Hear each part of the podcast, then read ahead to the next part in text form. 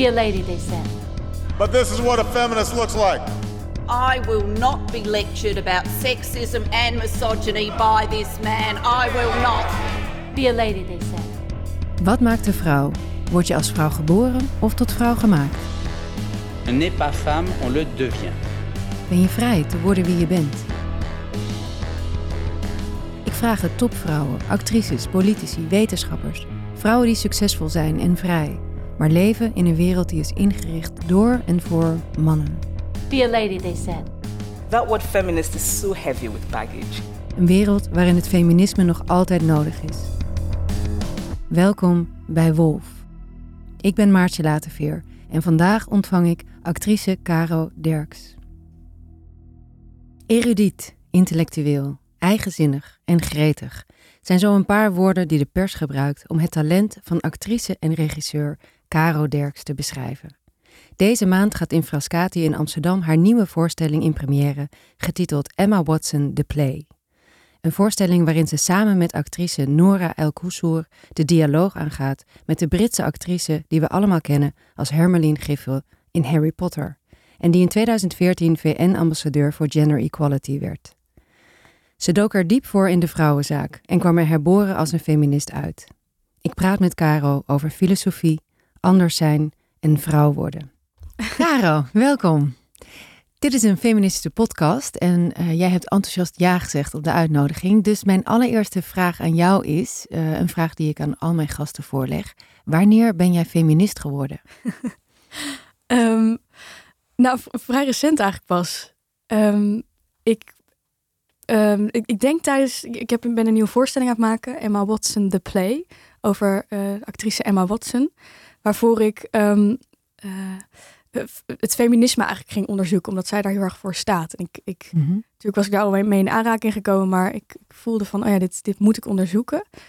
En toen in retroperspectief kwam ik erachter dat ik eigenlijk um, alles wat ik gedaan heb hiervoor um, redelijk ge gerelateerd was aan een mannenwereld, aan, aan uh, mannelijke boeken, mannelijke uh, schrijvers, uh, ja, mm -hmm. boegbeelden. Mm -hmm.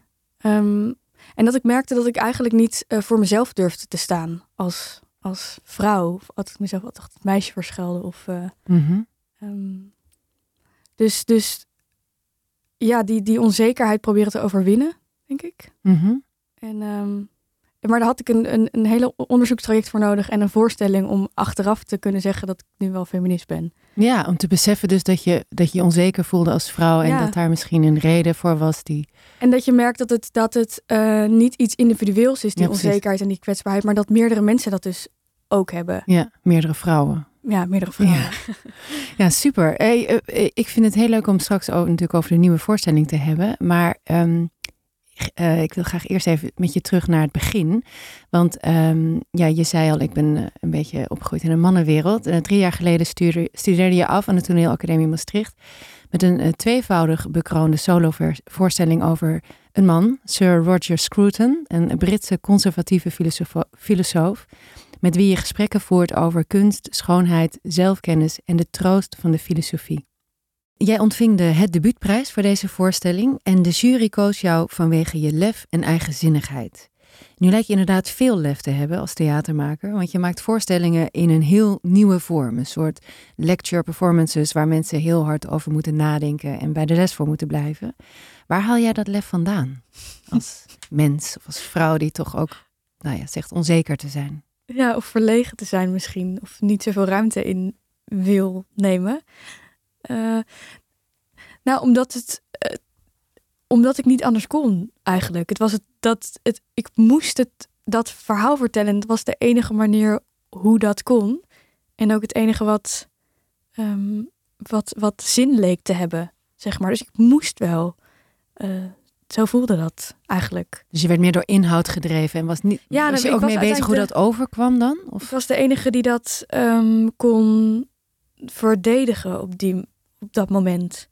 Uh, ja, ik hou, ik hou wel heel erg van eigenzinnigheid, maar ik vond het ook heel spannend. Ik vind het ook mm -hmm. spannend om ruimte in te nemen. Ik, ik, dat is heel cliché natuurlijk, dat alle acteurs of actrices eigenlijk hele verlegen mensen zijn misschien. Maar ik had het wel echt op de toneelschool ook dat ik dan aan de kant zat. En dat ik dacht, nee, niet mij vragen, niet mij vragen. En dan dat er ook wel mensen in mijn klas hadden die heel erg goed gingen op in zo'n ruimte in een eentje staan en ruimte innemen. En dat ik dacht, kijk maar niet naar mij alsjeblieft. Mhm. Zo trillend voor de voorstelling ook al vaak. Dat ik dacht, god, waarom doe ik dit?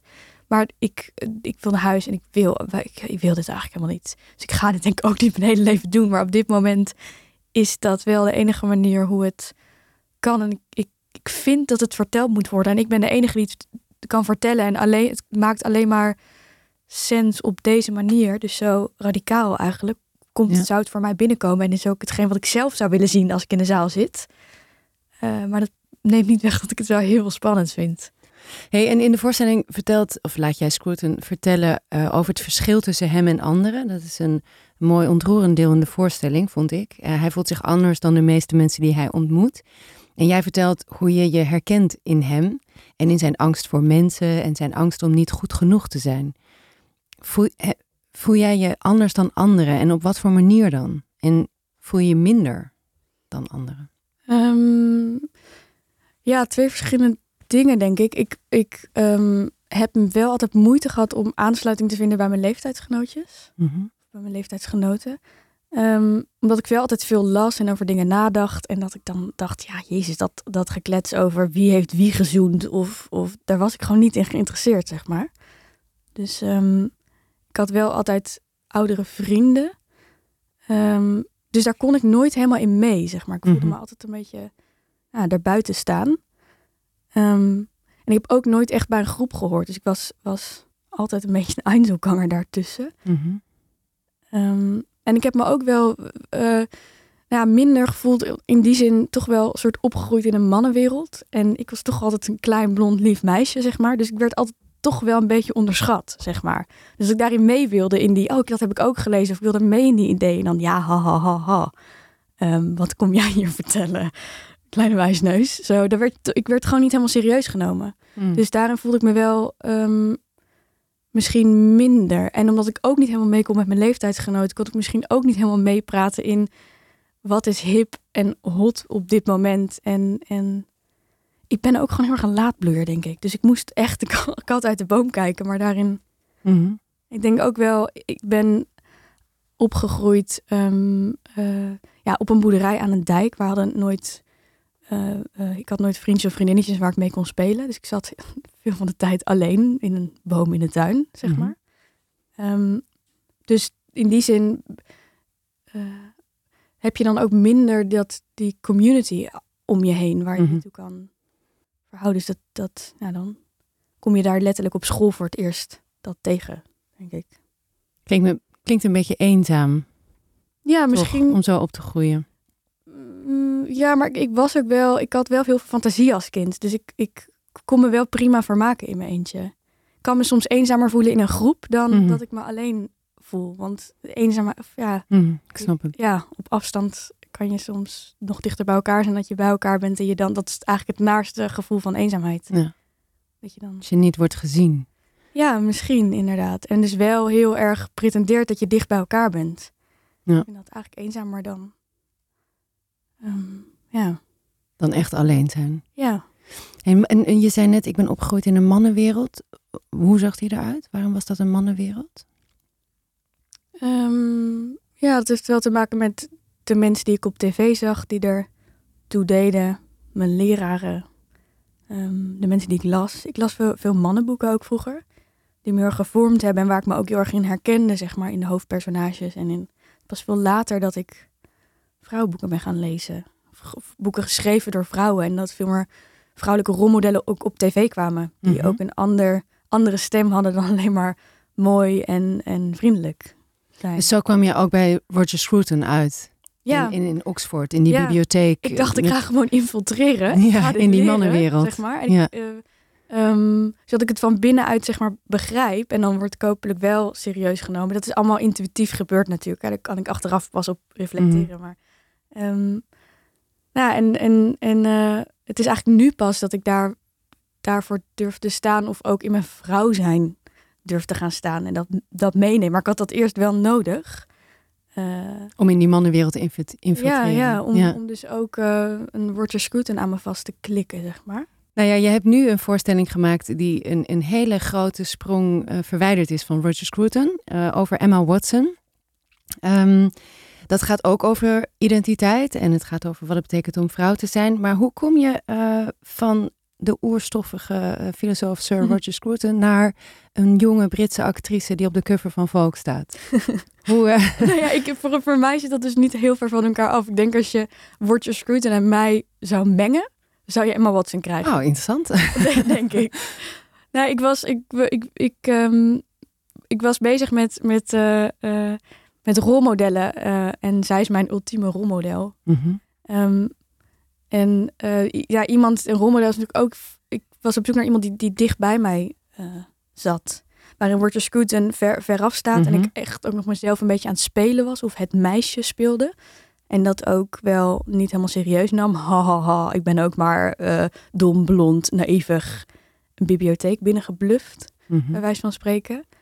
Um, is het, vind ik Emma Watson spelen veel enger. Omdat ik dan mezelf echt speel. En dat ook zo serieus mogelijk probeer te doen. En als een kwetsbaarheid, zeg maar. Want wat herken je zo in haar? Um, nou ja, dat, dat waar we het over hadden, die, die outsider zijn in een community, zeg maar. Mm -hmm. Is zij dat?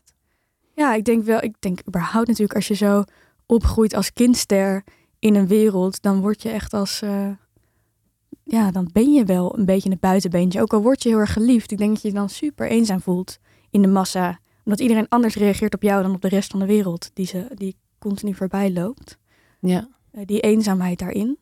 Denk ja, en iedereen heeft natuurlijk ook een beeld van haar. Wat Ja. misschien niet per se klopt met de werkelijkheid. Ja, zeker. Zoals dat gaat met uh, sterren. Ja, en zij heeft ook een enorme liefde voor literatuur. En voor leren. Mm -hmm. Dus dat um, heb ik altijd heel inspirerend gevonden. En me ook heel erg in herkend. Dus heeft boeken lezen echt cool gemaakt voor een hele generatie. Nou, ik zit alleen maar boeken aan mijn vrienden uit te delen en daarover te praten tot iedereen er moe van wordt. um, uh, en, en een soort, er zit een soort eerlijkheid en een soort oprechtheid in die ik niet, uh, uh, niet heel veel zie in um, celebrity culture-achtige setting. -hmm. waar, waar herken je dat aan? Hoe, waarom denk je dat zij? Ja, en ik baseer dat natuurlijk op interviews. Letterlijk, Mhm. hoe zij met mensen omgaat. En En geeft ze daarin dan geen. Geeft ze daar andere antwoorden dan andere actrices? Of praat ze Ehm, over andere dingen? Ja, zij. Uh, niet per se dat ze over andere dingen praat, maar ik heb het idee dat zij echt luistert. En, en natuurlijk is het ook projectie vanuit mij, maar dat is wel anders dan. dan vaak is het zo heel erg snel en, en op sensatie gericht. Mm -hmm. En, uh, en tuurlijk krijgen ze ook die ruimte. Dus als zij. En, maar het is ook aan de andere kant ook tof dat ze die ruimte pakt.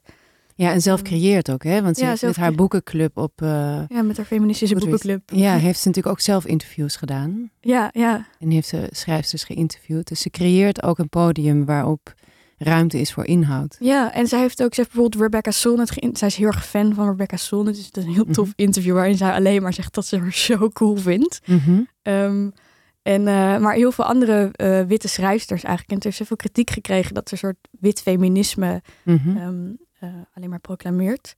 En toen is ze, heeft ze gezegd, oké, okay, oké, okay, dat, dat, dat, misschien klopt dat wel. Maar um, leer het me, wat moet ik lezen dan? Of Mhm. hoe kan ik... Dat vind ik zo interessant, dat je dat publiekelijk, zeg maar, je kwetsbaarheid daar... of misschien je blinde vlek toegeeft. Mhm. Ja. Hey, ik heb jou eerder geïnterviewd voor Vogue. En toen vertelde je me dat de eerste twee voorstellingen van jouw hand... dat die wat mannelijk zijn. En dat je in deze voorstelling meer de vrouwelijke kant opzoekt. Wat betekent dat? Um, nou, dat is iets minder het hoofd en iets meer lichaam. Misschien iets meer intuïtie. Mhm. Um, best wel mannelijke talige, talige voorstellingen gemaakt. Um, ook om een, nou, om een soort serieusheid, uh, of serieus genomen te worden, achteraf gezien. En nu durf ik een, ben ik wel heel benieuwd naar een soort, tuurlijk blijft dat, maar een soort nieuwe laag toe te voegen. Um, die veel ja, intuïtiever, veel vrouwelijker, veel meer het is in plaats van erover gaat. Dat is wel interessant wat je zegt. Uh, is dan vrouwelijk, staat dat voor meer lichaam? Ja, misschien ook niet, maar je kan ook natuurlijk zeggen dat mannelijk en vrouwelijk twee energieën zijn. Mm -hmm. um, en dat het eh, dat je als vrouw natuurlijk ook super...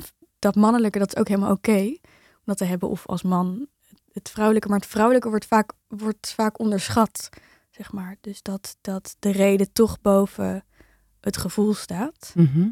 Het is niet per se gevoel, want het is met de reden ook het gevoel toelaat op een soort hoger niveau. Dus alsof je teruggaat naar een soort natuurlijkheid, Mhm. maar wel op een bewust niveau. Het is een ander soort, plaats andere vorm van intelligentie. Ja, het is niet je mee laten trekken door je sentiment of zeg ik voel het, dus het is zo. Of ja, wat, wat nu natuurlijk in de maatschappij ook veel aan de hand is. Mhm. Maar met, op een rationeel niveau weer terug durven gaan naar een soort eh nou, oerenergie, denk ik. Je merkt wel meteen dat het een soort slippery terrein wordt. Ja, hè? ja, ja, ja, Zodra je over mannelijk en vrouwelijk Gaat Het, praten. Ja. dan verval je heel snel in, in best wel enge generalisaties. Waarbij toch ook stereotyperingen die ons zijn opgedrongen meespelen. ja. En dat is wel. Dat is, ik vind dat zelf in elk geval eh, als, als feminist vind ik dat altijd een hele moeilijke eh, gedachte om toe te laten. Om na te denken over wat dan vrouwelijk is en wat Wat dan mannelijk is. Ja, maar ik denk dat we het wel moeten doen. Want het is ook, ook voor mannen zeg maar, je bent maar een half mens anders. Het is ook wat je, een soort wholeness of een soort, Wanneer ben je half mens? Als je niet ook vrouwelijke energie toelaat. ja, Mhm. ja, of wat we daar dan onder typeren in die zin. Jij zei net ehm, dat je aan eh Scruton had geschreven dat je een feminist bent. Ehm, ik denk, schreef ik toen je denk, ik denk dat ik een feminist ben. Hoe denk je daar nu over? Nu zou ik wel zeggen dat ik een feminist ben. Maar echt, dat, dat komt door Emma Watson. Ja? Doordat zij zo'n rolmodel is, waardoor ik... Ik ben eigenlijk... Ik, ik schreef aan Scruton en ik denk dat ik een feminist ben. Toen dacht ik, god, misschien moet ik dat toch eens gaan onderzoeken. Wat dat dan... Ik weet daar te weinig over. Wat is dat dan precies? Mhm. Wie, wie horen daar eigenlijk allemaal bij? Dus toen ehm, ben ik Simone de Beauvoir gaan lezen. En nou, een hele rits aan, aan boeken. Ehm, maar door, door eh, Emma Watson eigenlijk als, als studieobject. En er toen achter gekomen, ah, ik, ik eh, herken me hierin of ik wil me hier ook, ik wil dit ook eh, zijn. Want wat is dat dan, een feminist in jouw ogen? Ehm, nou, de vrijheid om zelf keuzes te maken. Mhm. Misschien niet vrijheid, maar meer autonomie. Want vrijheid impliceert ook een soort, ik sta buiten de wereld, maar autonomie is, zit in het web. Mhm. Dus dat je afhankelijk toch ook nog bent binnen ehm, de lijnen die je uitzet. Mhm. Dus daar een soort zelfbeschikking ehm, Mhm. over wie of wat je zou willen zijn als vrouw en als man binnen een systeem. En heb je het idee dat vrouwen die zelfbeschikking minder hebben? Ja, Is dat, eh, zeker. ja. ja. of is en is veel eh, is dat die paden zijn veel smaller en eh, Voel jij dat zelf zo? ja, zeker. Ik heb me daar wel echt van los proberen te vechten en ja, Waarvan precies? ja, ehm, ja, je wil natuurlijk, je wil een blonde, eh, op uiterlijk, eh, eh, van uiterlijk afhankelijke actrice. Dat is het laatste wat je wil zijn eigenlijk. Dat is vergankelijk, dat, dat, dat is niet duurzaam. Da, ja, en, en nou, volgens het pad het doen, dat vind ik super benauwend daarin. Mhm. Dus, eh, En het is misschien ook niet wie je bent of niet alles. Nee, niet alles bent. wat ik, wat ik ben. Of ik voel dan heel erg dat ik in een soort mal gedrukt word die ik niet zou willen zijn. Daar word, word ik heel boos van. Terwijl ik helemaal niet zo snel boos ben. Maar als ik dat niet op mijn eigen manier mag inrichten. En dus gereduceerd wordt tot het beeld wat andere mensen denken te hebben van mij. Mhm. eh, ja. Dan voel je je onvrij. Ja, dan voel ik me heel erg onvrij. En ik kan me heel goed voorstellen. Ik bedoel, ik zit natuurlijk in een hele luxe positie daarin. En ook in een luxe positie dat ik mensen om me heen heb die me hebben geholpen om die autonomie te krijgen. Mhm. Ehm, Maar ik vind het wel heel interessant dat je eh, Simone de Beauvoir hebt gelezen. Heb je de hele tweede sekse gelezen? ja, Dat is best veel. ja. Eh, ik kan me herinneren dat, dat toen ik dat eh, las, dat ik werd geraakt door, door toch hoe actueel het nog is. Ja, dat ik vond ik ook echt precies. hallucinant eigenlijk. precies hetzelfde. En ehm, het deed mij ook anders nadenken over wat het eigenlijk betekent om vrouw te zijn en wat dat dan is. En ik besefte dat er echt heel veel maatschappelijke en politieke factoren meespelen bij mijn persoonlijke ontwikkeling en bij die van andere vrouwen. weet ik van mijn dochter. En dat die factoren erin misschien inderdaad voor zorgen dat ehm, vrouwen minder vrij zijn om te worden wie ze zijn dan mannen. Uh, in hoeverre denk jij nu anders na over vrouw zijn door het lezen van de tweede sekse?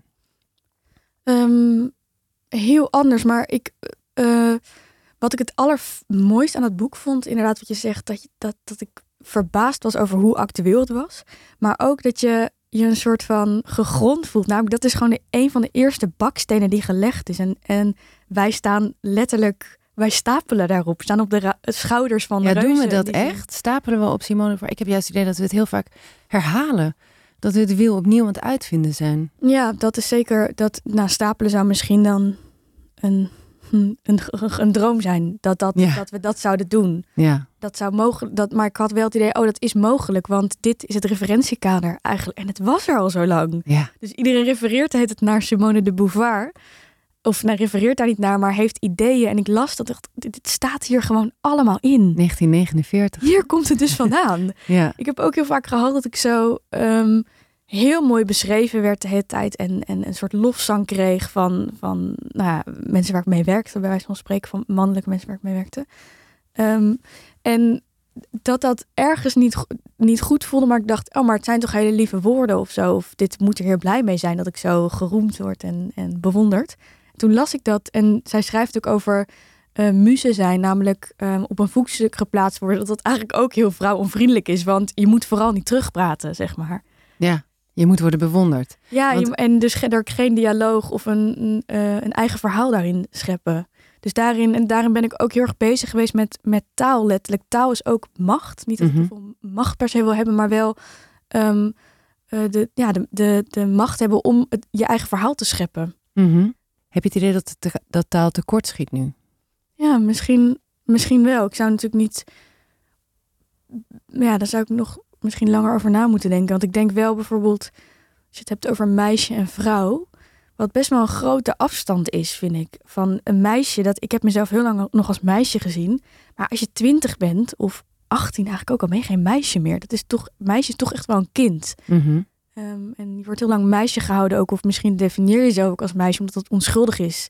Mm -hmm. Een vrouw is in Nederland toch iets wat niet per se gevierd wordt. Terwijl bijvoorbeeld in Frankrijk heb je natuurlijk mademoiselle, wat een soort jonge dame is. Mm -hmm. Het is er tussenin. Dus dat in. En nou, zo zou ik mezelf dan misschien wel definiëren. Als mademoiselle. Ja, maar wij spreken. Maar dan, ja, dan lach je natuurlijk uit als je dat hier in Nederland gaat zeggen. Want je definieert jezelf niet als vrouw. Nu, nu wel, wel, hoor, maar ik heb die stap wel heel groot gevonden. En wanneer heb nu... je die stap gemaakt? Weet je dat? Was je daar bewust van? Uh, ja, vrij recent denk ik wel. Da door, doordat ik bezig was met, met Emma Watson, denk ik wel dat ik mezelf veel meer uh, gesterkt voelde om te zeggen: ik ben een vrouw en dat is ook iets heel moois. Uh, in plaats van iets wat, wat ik verafschuwde of Mhm. waar ik me niet mee wilde, ja, niet aan wilde relateren eigenlijk. Want dat had je eerst. Ja, dat is toch. ehm,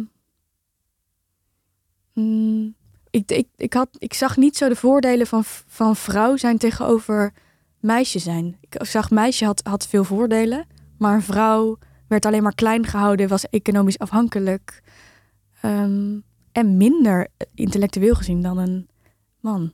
En wat zijn de voordelen van de meisjes zijn dan? Die heeft de, de jeugd, de schoonheid. eh, Ja, de, de speelsheid, ehm, mm, de ja, een soort joie de vivre ehm, eh, wordt overal nog in meegenomen, want is onschuldig, zeg maar. Dus mag overal binnenkomen. eh, hoeft het allemaal ook nog niet zo te weten, zeg maar. En, en is nog heel vrij, eigenlijk. En als vrouw moet je het allemaal wel weten, maar Eh, dat is eigenlijk best wel moeilijk. Ja, en dat is eigenlijk, dus slaat dat nergens op. Want het meisje leeft ook door in de vrouw natuurlijk. Het is hetzelfde Mhm. als dat je zegt, je moet je kind zijn nooit vergeten. Want Mhm. dat zou zonde zijn. Mhm. Dus die speelsheid en nieuwsgierigheid. Dus dat je dat allemaal een beetje meeneemt. En wat, whatever een vrouw is, zeg maar, dat zit er allemaal in. Al die facetten. Ook die mannelijkheid. Nou, het, een belangrijk punt dat de Beauvoir maakt is dat vrouwen inderdaad niet als vrouw worden geboren, maar tot vrouw worden gemaakt. Ben jij als vrouw geboren of ben je tot vrouw gemaakt? Tot vrouw gemaakt, denk ik. En waardoor dan? Ik denk dat maar heel weinig is aangeboren. Welke factoren maken dan dat jij vrouw bent nu? Ehm, maar ja, dat zijn er heel veel in de maatschappij die natuurlijk op je, wat er van je verwacht wordt, eh, ho- hoe je behandeld wordt, al vanaf heel jongs af aan, denk ik. Mhm. Ik had daar laatst een discussie over met mijn ouders. Dat ehm, volgens mij in jouw tweede bundel in, in Swing staat, heeft iemand een essay geschreven over ehm, Nederlandse prinsjes. Dat, ik heb een broertje zelf ook.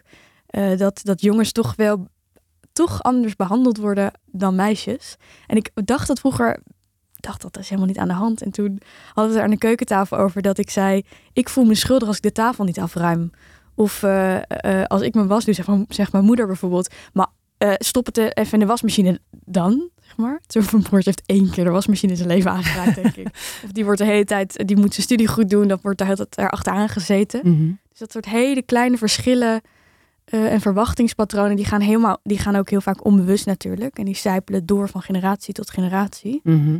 Ehm, ja, die, die, daarin word je, ben ik ook gemaakt tot wie ik ben, zeg maar. Of, of Dus door verwachtingen eigenlijk die onuitgesproken zijn, maar die, Ja. die in, in Ja, en, en als, eh, in, in die zin word je ook geleerd eh, vriendelijk lachen, eh, rustig blijven als vrouw, er goed uitzien, verzorgd zijn. ehm, eh, Ja. nou, dat zijn allemaal dingen die, waardoor Nee. je...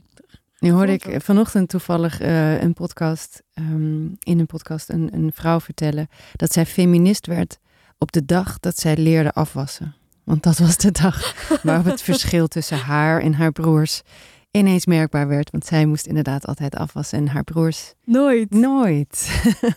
ja, want je bent de- toneelschool gaan doen in, in eh, Maastricht. Eh, wilde je altijd al actrice worden? Nee, Nee, je wilde schrijver worden? Heb je schrijver- Schouten verteld? ik wilde architect worden eigenlijk. Oh, Ehm, zoiets als Mies van der Rohe. Eh, zo, oh ja, jaren zestig eh, Mhm. architectuur wilde ik maken. toch een vrouwelijk rolmodel.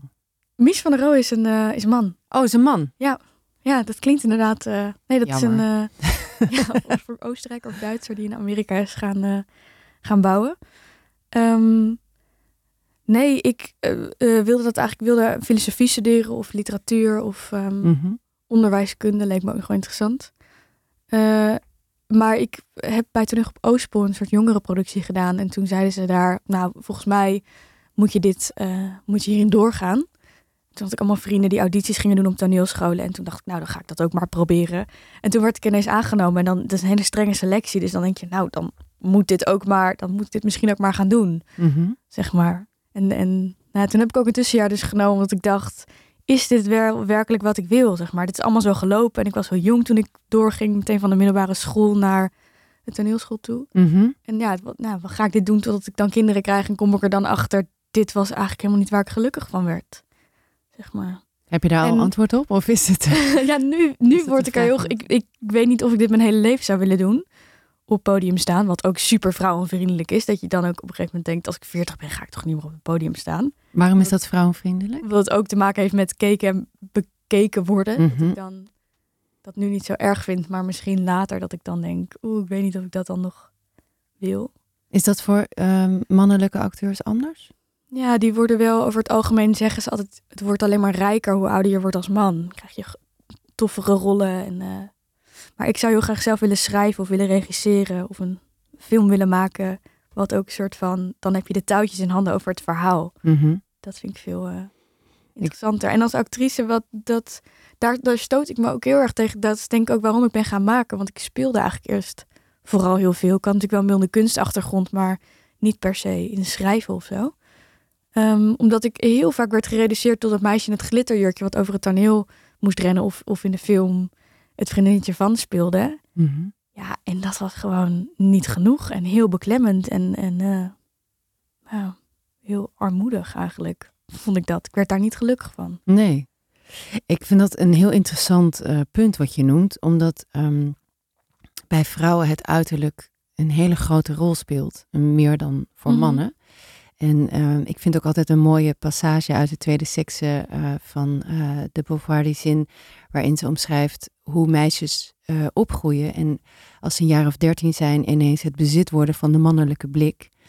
Ze schreef, het meisje voelt hoe haar lichaam haar ontglipt, hoe het wordt ingenomen door anderen die haar beschouwen als een ding. Op straat wordt ze gevolgd door blikken en men geeft commentaar op haar anatomie En ze wordt bang om vlees te worden en bang om haar vlees te laten zien. Herken jij dat? Je bent een, een mooie vrouw. Uh, je staat op het podium. Je loopt op straat in Amsterdam. Mhm. Herken jij iets van die vervreemding van je lichaam op het moment dat je opgroeit en als Ja, ik ben wordt gezien? heel lang ook wel bang geweest dat dat het enige was wat ik had. Dat ik, eh, en daar heb ik dus denk ik achteraf gezien heel hard tegen proberen te vechten. En ik kan ook nog wat. En ik wist ook al heel jong dat ik dacht, dit gaat dus over. Dit is niet voor eeuwig. Daar werd ik heel treurig van. De schoonheid. Ja, ja. Want En- als dat alles is wat je, wat je bent, dan... Ja, en ik ben heel vaak kreeg ik te horen van ja, maar je ziet er ook zo mooi uit. En dan dacht ik, ja, maar word ik nou hier alleen maar voor gevraagd of voor omdat ik er wel leuk uitzie? Zo serious. Zo, ehm, nou ja, en dat, dat is ook iets waarin je dan, en je wordt ook geacht om dat te koesteren, om dat zo mooi, om dat ja, als een huisdier zeg maar, dat dat, dat, dat Mhm. eh, zo goed mogelijk floreert, zeg maar. Dus dan heb je een bewustzijn en een lichaam, eh, waardoor je eigenlijk jezelf objectificeert. Mhm. Ja, dat is die vervreemding natuurlijk, hè, Ja, waar ja. Beauvoir over schrijft. Ja, en het is ook je eigen verantwoordelijkheid om dat dus zo, dat, dat is om dat en eh, te koesteren, maar ook om dat, privilege daarvan in te zetten. Ja, maar dan heb je toch heel veel macht. Maar Ja. dat is eigenlijk heel iets treurigs. Dat zeggen veel vrouwen, hè? Ja, maar je kunt je uiterlijk ook gebruiken om, eh, om ergens te komen. En het blijkt ook uit alle onderzoeken dat als je mooi bent als vrouw, dat je hoge salaris krijgt, eh, meer eh, vrienden hebt, gelukkiger bent. En het blijkt ook uit onderzoek dat vrouwen daar veel harder op worden afgerekend als ze niet mooi zijn. Ja, we hebben niet alleen een schoonheidscultus of een, een vrouwelijke schoonheidscultus, dus dat het, het vrouw, hoe, hoe een vrouw eruit ziet. En dat is nu gelukkig wel echt wat meer aan het veranderen. Ehm, waarin je ook zou kunnen zeggen, het, hetgeen dat je afwijkt van de norm betekent dus alsnog dat er een norm is. Ja, Eh, maar dat, eh, dat we hebben ook een mooie mensencultus. Dus, dus we, we zien alleen maar mooie mensen op tv, op, in films. Eh, ja. Ja, dat is ja Ik sprak een keer met een wetenschapper die daar onderzoek naar heeft gedaan. Echt jarenlang onderzoek. En zij heeft ook, Giselinde Kuipers heet zij. Eh, eh, en zij heeft eh, onderzocht dat wat ik net zei, dat vrouwen harder worden afgerekend op uiterlijk. Dat komt uit haar onderzoek heel sterk naar voren. En ook dat die schoonheid steeds sexier werd. Dat het steeds meer synoniem werd aan sexy. Maar ook dat het voor mannen ook steeds belangrijker wordt om mooi te zijn.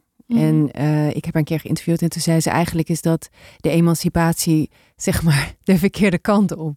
We hadden liever de emancipatie gehad dat, dat het voor vrouwen ook niet zo belangrijk meer werd om mooi te zijn. Maar zij ziet dus een tendens dat het ook voor mannen eh, heel belangrijk is om mooi te zijn. En dat schoonheid überhaupt een, een, een aspect is Ja, waar je, wat je als kapitaal kunt beschouwen. En dat schoonheid dus iets vrouwelijks is. En als mannen hun vrouwelijkheid moeten vieren, dat ze dus ook hun schoonheid moeten vieren.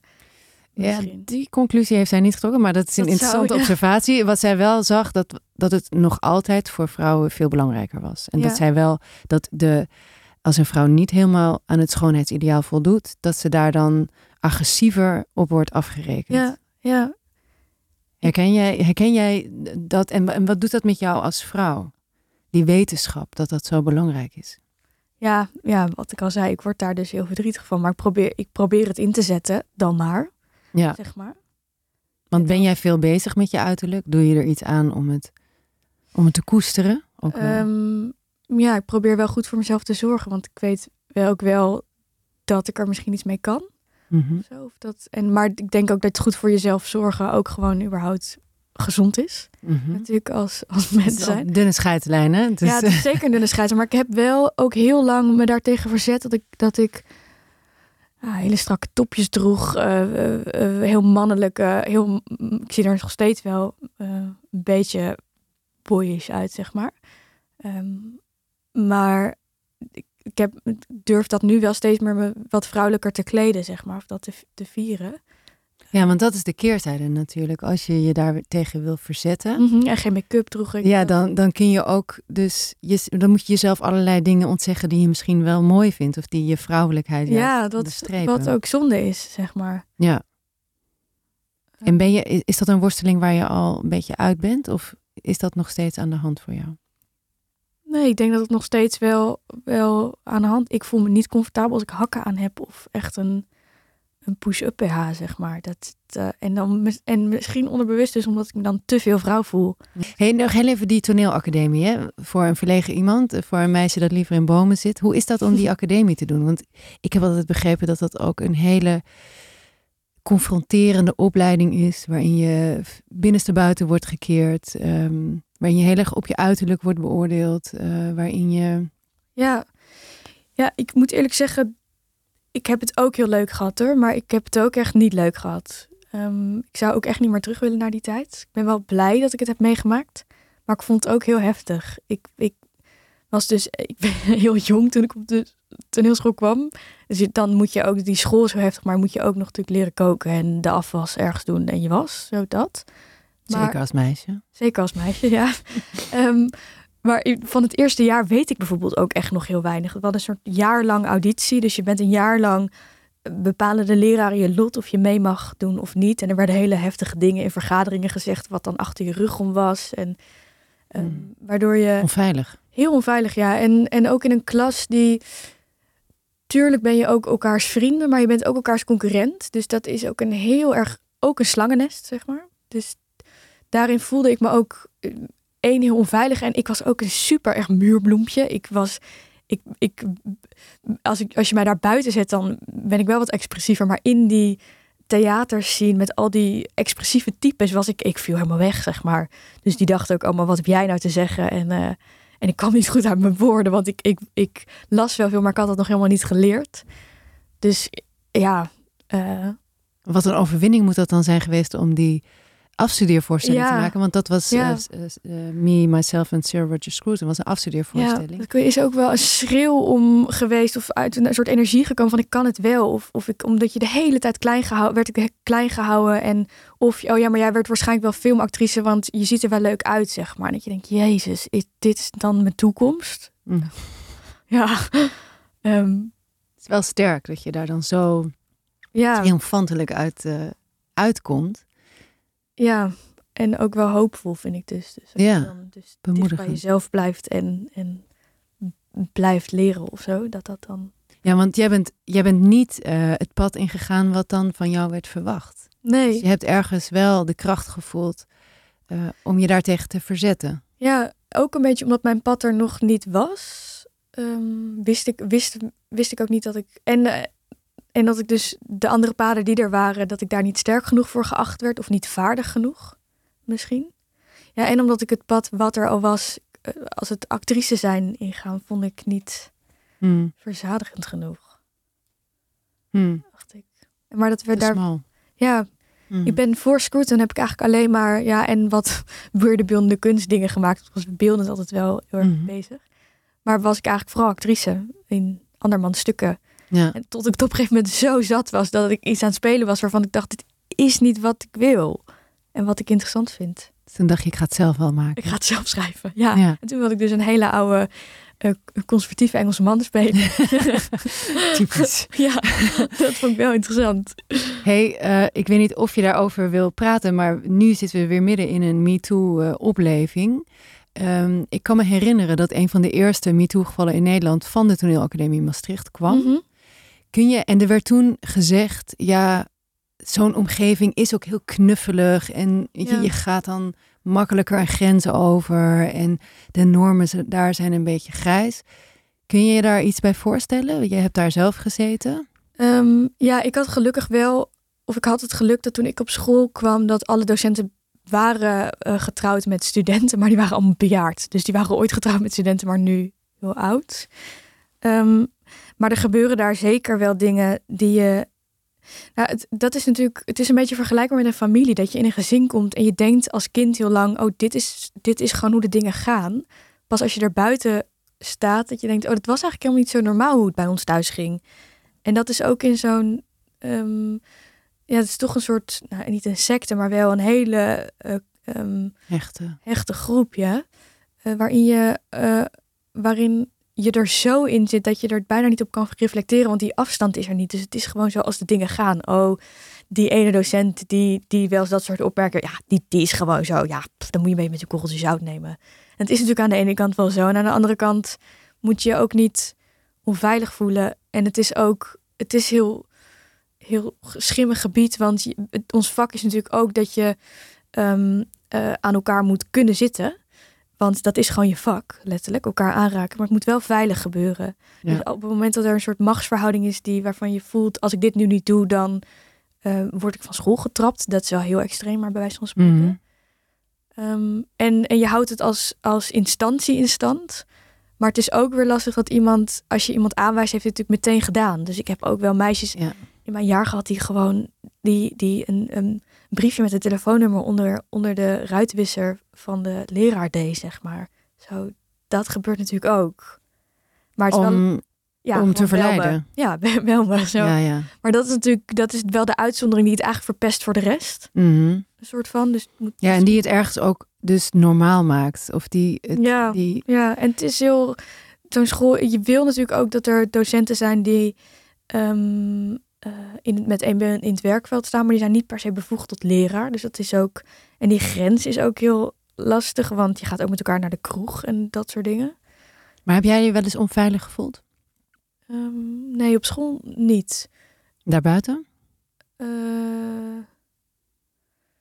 ja, daar buiten. Ik heb wel in een project gezeten wat, wat heel, ehm, heel heftig was in die, in die zin. Dat ik, eh, dat je, dat ik afhankelijk was van, van iemand. En ehm, die persoon, ik ga even heel bewust geen namen noemen, maar eh, eh, nou ja, dat, dat, dat mij liet voelen dat ik gek was. Omdat ik terugpraatte en zei: eh, Dit is niet oké wat, er, wat er nu gebeurt. Dat was niet seksueel overschrijdend gedrag, maar meer geestelijk overschrijdend gedrag.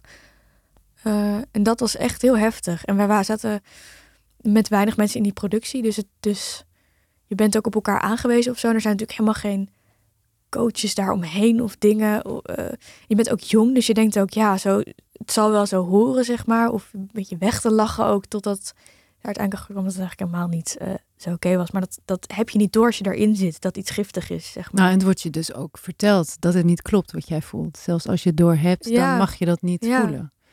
Ja, Een beetje voordat we deze podcast begonnen, hadden we het over dat je je intuïtie steeds meer voelt. ja dat die dus eigenlijk heel goed zit. Die, die zit vaak goed, maar we Ja. worden misschien een beetje afgeleerd om daarnaar te luisteren. Ja, en rationeel kan je dan voor jezelf wel goed praten. Mhm.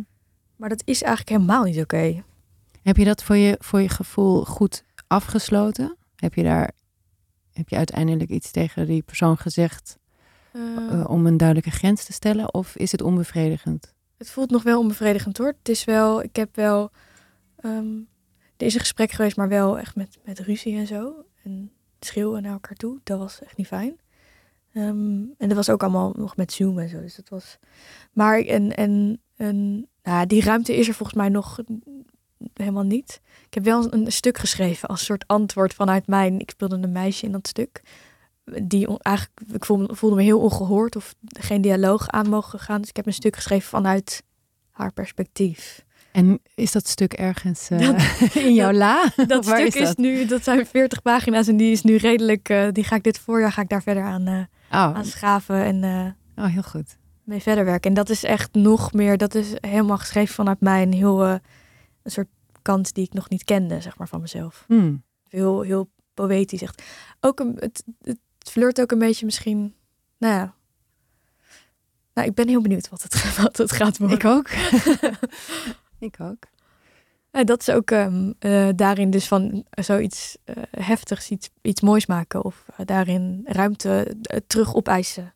Ja, ik, maar toch, toch wel omdat, die, omdat je op het moment zelf die ruimte niet voelt. Nee, en, en ook pas achteraf gezien de dingen in elkaar bleken te vallen. Dat ik dacht, oh, dit is een systeem ook.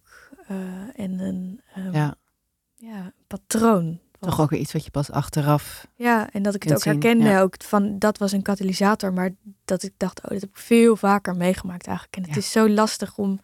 Een journalist vroeg laatst ook... ehm, wat, ehm, wat zijn dat dan, die ervaringen die je, die je als vrouw zijn alleen maar meemaakt? En ik kon het niet zeggen. Pas, pas veel later dacht ik, oh, dat was het. En dat.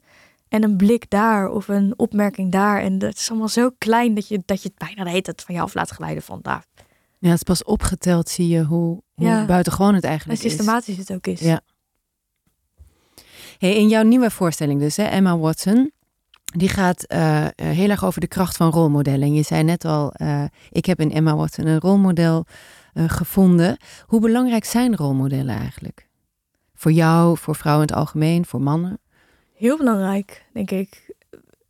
Het zijn een soort mogelijkheden dat je kan zien, oh zo zou ik ook nog kunnen zijn. Want als je opgroeit, dan ben je per definitie beperkt. Want je bent beperkt tot het sociale milieu en de mensen om je heen. En dat is, hoe rijk het ook is, het is altijd beperkt. Ehm, en rolmodellen, en dat vind ik wel interessant aan de digitale ehm, wereld waar we nu in leven. Eh, dat, je, nou, dat, je, dat je ziet, oh, buiten mijn omgeving zijn er dus nog andere mogelijkheden. En zo zou ik ook kunnen zijn. Of eh, ik voel me wel gezien en ik ben niet de enige gek hier in mijn gemeenschapje die zo is. Mhm. Maar er zijn nog anderen die, eh, en die daardoor in hun kracht. eh, hetgeen waar, waarvan ik denk dat ik gek ben, dat maakt hen juist heel krachtig, zeg maar. Dus ik kan het, kan het gebruiken of ik kan het. Dus je hebt meer mogelijkheden om te zijn eigenlijk. ja, Zoals ze wel zeggen in het, in het debat over eh, eh, vrouwen op de arbeidsmarkt. You can't be what you can't see. Als we geen vrouwelijke premiers hebben of geen vrouwelijke CEO's, dan, dan droom je als meisje er niet van om premier te worden. Nee, we zijn natuurlijk, we hebben voor, we, we- voorstellingsvermogen is zo belangrijk. En is wat ook wat we als mensen zeg maar ook nodig hebben. Die, ja, om, om voorstellingen te maken in je hoofd van wat zou kunnen zijn. Daarom zijn verhalen ook zo belangrijk. En, Mhm. en- Maar daarin eh, noemde je de digitale omgeving. Maar ook toen die er nog niet was, ik ben opgegroeid zonder internet. Eh, ik ben echt een generatie ouder dan jij. Ehm, hadden we films, hadden Ja. we series, hele Amerikaanse series. Die speelden ook een grote rol in hoe ik mij ontwikkelde als meisje en wat ik als eh, norm of als maatstaf nam of wat als onuitgesproken verwachtingen voor, voor vrouwelijkheid. Ehm, en in mijn beleving zijn die films en series best wel heel traditioneel wat betreft man-vrouw verhoudingen. Zeker toen ik opgroeide. Eh, nu is dat aan het veranderen, maar nog steeds eh, zijn er weinig films bijvoorbeeld waarin vrouwen een, een hoofdrol hebben en, en het verhaal om hen draait. In veel films hebben vrouwen een ondersteunende rol. Mhm. Hoe zie jij dat als actrice? Heb jij daar een, een mening over? Nou ja, zeker. Ik vind wel, het is wel langzaam aan het veranderen. Ehm, en ik denk dat het alleen maar kan op het moment dat vrouwen ook aan het roer staan. Dus vrouwen hun, de verhalen mogen schrijven. En dan is het per definitie, wordt een film of een serie dan anders. Mhm. Ehm, en daarin dus meer vrouwen ook aan het woord laten en genuance- het genuanceerder wordt. Mhm. Maar het gaat alsnog wel langzaam hoor. Of het is alsnog... Nou, dat komt misschien ook omdat er heel weinig vrouwelijke regisseurs en, en schrijvers zijn nog steeds. Ja, ja zeker. En zijn er ehm, eh, voor jou rolmodellen in die filmwereld of in die toneelwereld waar jij, Die ik vet vind. ja, Ja, ik, ik hou heel erg van Phoebe Waller-Bridge. Dat is een, eh, zij heeft Fleabag gemaakt. Ja. Dat is een theatersolo. serie, ja. Waar ze een serie van gemaakt. Waar ze wat ze zelf geschreven heeft ook en zelf speelt. Wat enorm groot is geworden. Ze heeft de nieuwe James Bond nu ook geschreven. Ehm, ik vind Oh, dat is haar... niet. En wat, wat vind je tof aan Fleabag? Ehm, maar ik vind de invloeden vanuit theater heel interessant. Maar ook... eh, ja, alle facetten van vrouw zijn komen daar ook in voor. Omdat het gewoon haar... Ja, natuurlijk gefictionaliseerde leven is. Maar wel vanuit haar... Je moet mij even, ik ken de serie niet. Ik heb in één keer een korte aflevering gezien. Kun je even uitleggen waar het over gaat? Ja, het gaat over eh, een jonge vrouw eh, in Londen die opgroeit ehm, en, het, en zich niet helemaal gezien voelt binnen haar familie, eigenlijk, wat een soort van haar samenleving is. Mhm. En, ehm, en naar het geloof ook neigt, of naar hetgeen wat niet mag, namelijk dat ze verliefd wordt op een priester, die eh, natuurlijk se- seksuele onthouding heeft, eh, maar toch een soort van die hogere verbindenis super interessant vindt. Mhm. Het gaat heel erg over haar persoonlijke struggles met. eh, en, en ook met. Het gaat ook veel over feminisme. Dus ehm, dat is er eentje. Maar dus de daad dat zij het zelf schrijft, vind ik, vind ik heel cool. Ja. Maar ik ben ook erg fan van Greta Gerwig. Ja. Actrice die eh, ook is gaan schrijven en regisseren. En zij zegt ook. Eh, Virginia Woolf is, Woolf is bijvoorbeeld ook een eh, grote inspiratiebron van haar. Mhm. Maar zij zegt eigenlijk heb ik het geleerd door alle toneelstukken die ik heb gelezen. Dus van een Shakespeare tot een Chekhov. Daar leerde ik. Mannelijke toneelschrijvers. Wel mannelijke toneelschrijvers, maar daar, daarin ging ik met in dialoog en daar heb ik wel Mhm. eh, heel veel van geleerd. In die Zij zin- heeft ehm, Little Woman geregisseerd, Ja, hè? de laatste film waar. Emma Watson in ja, speelde. ja, dat gaat is natuurlijk heel feministisch en Wat is er feministisch aan Little Women? autobiografische werk. Nou ja, het gaat over vier eh, zusjes en het gaat eigenlijk alleen maar over hen en het verhaal is er alleen maar om en zij zijn er alleen maar om elkaar te ondersteunen. Eh, Maar het gaat ook heel erg, voor mijn gevoel, eh, ik heb hem toevallig onlangs gezien, dat die zussen, over dat die zussen verschillend zijn. En dat je Ja. als vrouw dus, dat er niet één vorm is Precies, om, om niet- feministisch te zijn eigenlijk. Dat het over keuzemogelijkheden gaat. ja, Eh, en dat, het ook niet één vorm van vrouwelijkheid is. Of Ja. van een succesvol leven voor een vrouw. prima is als je achter, eh, achter het aanrecht wil staan met en vier kinderen wil hebben. Ja, Eh, dat, maar dat het gaat over dat er niet één mal is. ja. want Emma Watson speelt daarin een, een, een, een van de zussen Mhm. die jong trouwt en kinderen krijgt en je huisvrouw wordt. En haar oudere zus, Saoirse Ronan volgens Ja. mij, die speelt dan de onafhankelijke Ja. schrijfster.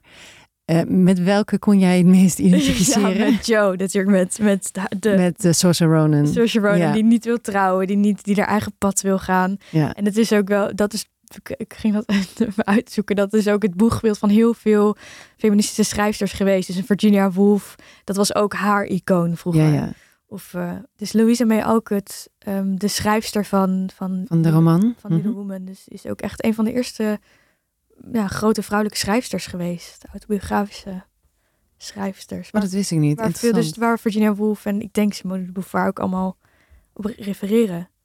Volgens mij de tweede seksus ook zelfs. Ik zal hem er nog eens bij pakken. Ja, ik zat nog eens na. maar in elk geval d- is er een sterke eh, scène volgens mij waarin ehm, Emma Watson, Meg in de film, tegen Joe zegt: Ik ben niet minder feministisch dan jij omdat ik huisvrouw ben. Ja, just because my dreams are different than yours doesn't mean they are more uh, less important. Ja, dat vond ik ook een sterke eh, scène waarin je ook wordt geconfronteerd met de, ja, toch misschien eh, de gedachte die veel feministen hebben, dat je dan als vrouw per se moet presteren, per se een carrière moet najagen om, om feminist te zijn. Terwijl een ook- huisvrouw net zo feministisch misschien kan zijn als dat haar eigen keuze is. Ja, dat is ook armoedig als dat alleen maar de mal zou zijn. Ja. Ja, en je wil zoveel mogelijk diversiteit daarin bereiken als samenleving. Ik. en nu, nu heeft Emma Watson eh, een paar jaar geleden een speech gehouden voor de VN, Mhm. waarin ze mannen oproept om, om mee te Feminist strijden, ja, om ja. feminist te zijn. Wat een eh, hele goede speech is trouwens, maar... Wat vind je er goed aan? Eh, nou, ik zag die speech omdat ik met Emma Watson bezig was. Dus ik, ik herzag hem weer. Ik ken hem Mhm. ondertussen ook by heart, zoals de Engelsen dat zeggen. Ehm, maar wat heel mooi is, dat, dat zij dus het eh, mannen oproept om het ehm, vrouwelijke in zichzelf weer te herwaarderen. Omdat je anders dus niet volwaardig mens bent, Mhm. eigenlijk. Dus eh, om je kwetsbaar op te durven stellen. Dat huilen niet per se als zwakte wordt gezien of als iets vrouwelijks. Ik ben bijvoorbeeld, ik, heb, ik ben helemaal niet van het huilen, zeg maar. Dus dat, dat is misschien ook iets wat mij aangeleerd is om binnen die mannelijke wereld te functioneren. Nee, niet kan. emotioneel te zijn. Huilen is op zich menselijk. Ja, is natuurlijk heel menselijk. Dus het is heel zonde als je dat ehm, afwerpt voor jezelf. Eh, en en eh, nou ja, dat, dat het natuurlijk niet voor niets is dat er zoveel geestesziektes zijn. Mhm. Zowel mannen als bij vrouwen. Ik denk dat we heel hard voor onszelf zijn. En dat mannen natuurlijk ook. Als man heb je het ook wel. la- Ja, ik zou ook geen man willen zijn. Zit ik nu te denken. Want als man is er ook zo'n enorme prestatiedruk. Om het goed te doen, om het financieel ook goed te doen. Dat is ook een soort van je status Mhm. daarin. Als vrouw heb je altijd nog een soort backup. Als je het zelf niet goed doet, dan kan je altijd nog trouwen, zeg maar. Dat is niet heel feministisch. Nee, totaal niet. Dat is ook het minst. Ik bedoel, het, maar dat, dat is zeker niet het pad waar ik in zou willen slaan, Nee. waar ze voor zou pleiten. Maar, maar meer om te zeggen dat De mannen. druk op maar- mannen is ook groot. Ja. Ja. misschien ook heel. Ja. En heb je het idee dat, dat steeds meer mannen zich dat ook realiseren? Ehm, ja, dat. Maar ik heb soms ook het idee dat ik, dat ik dan.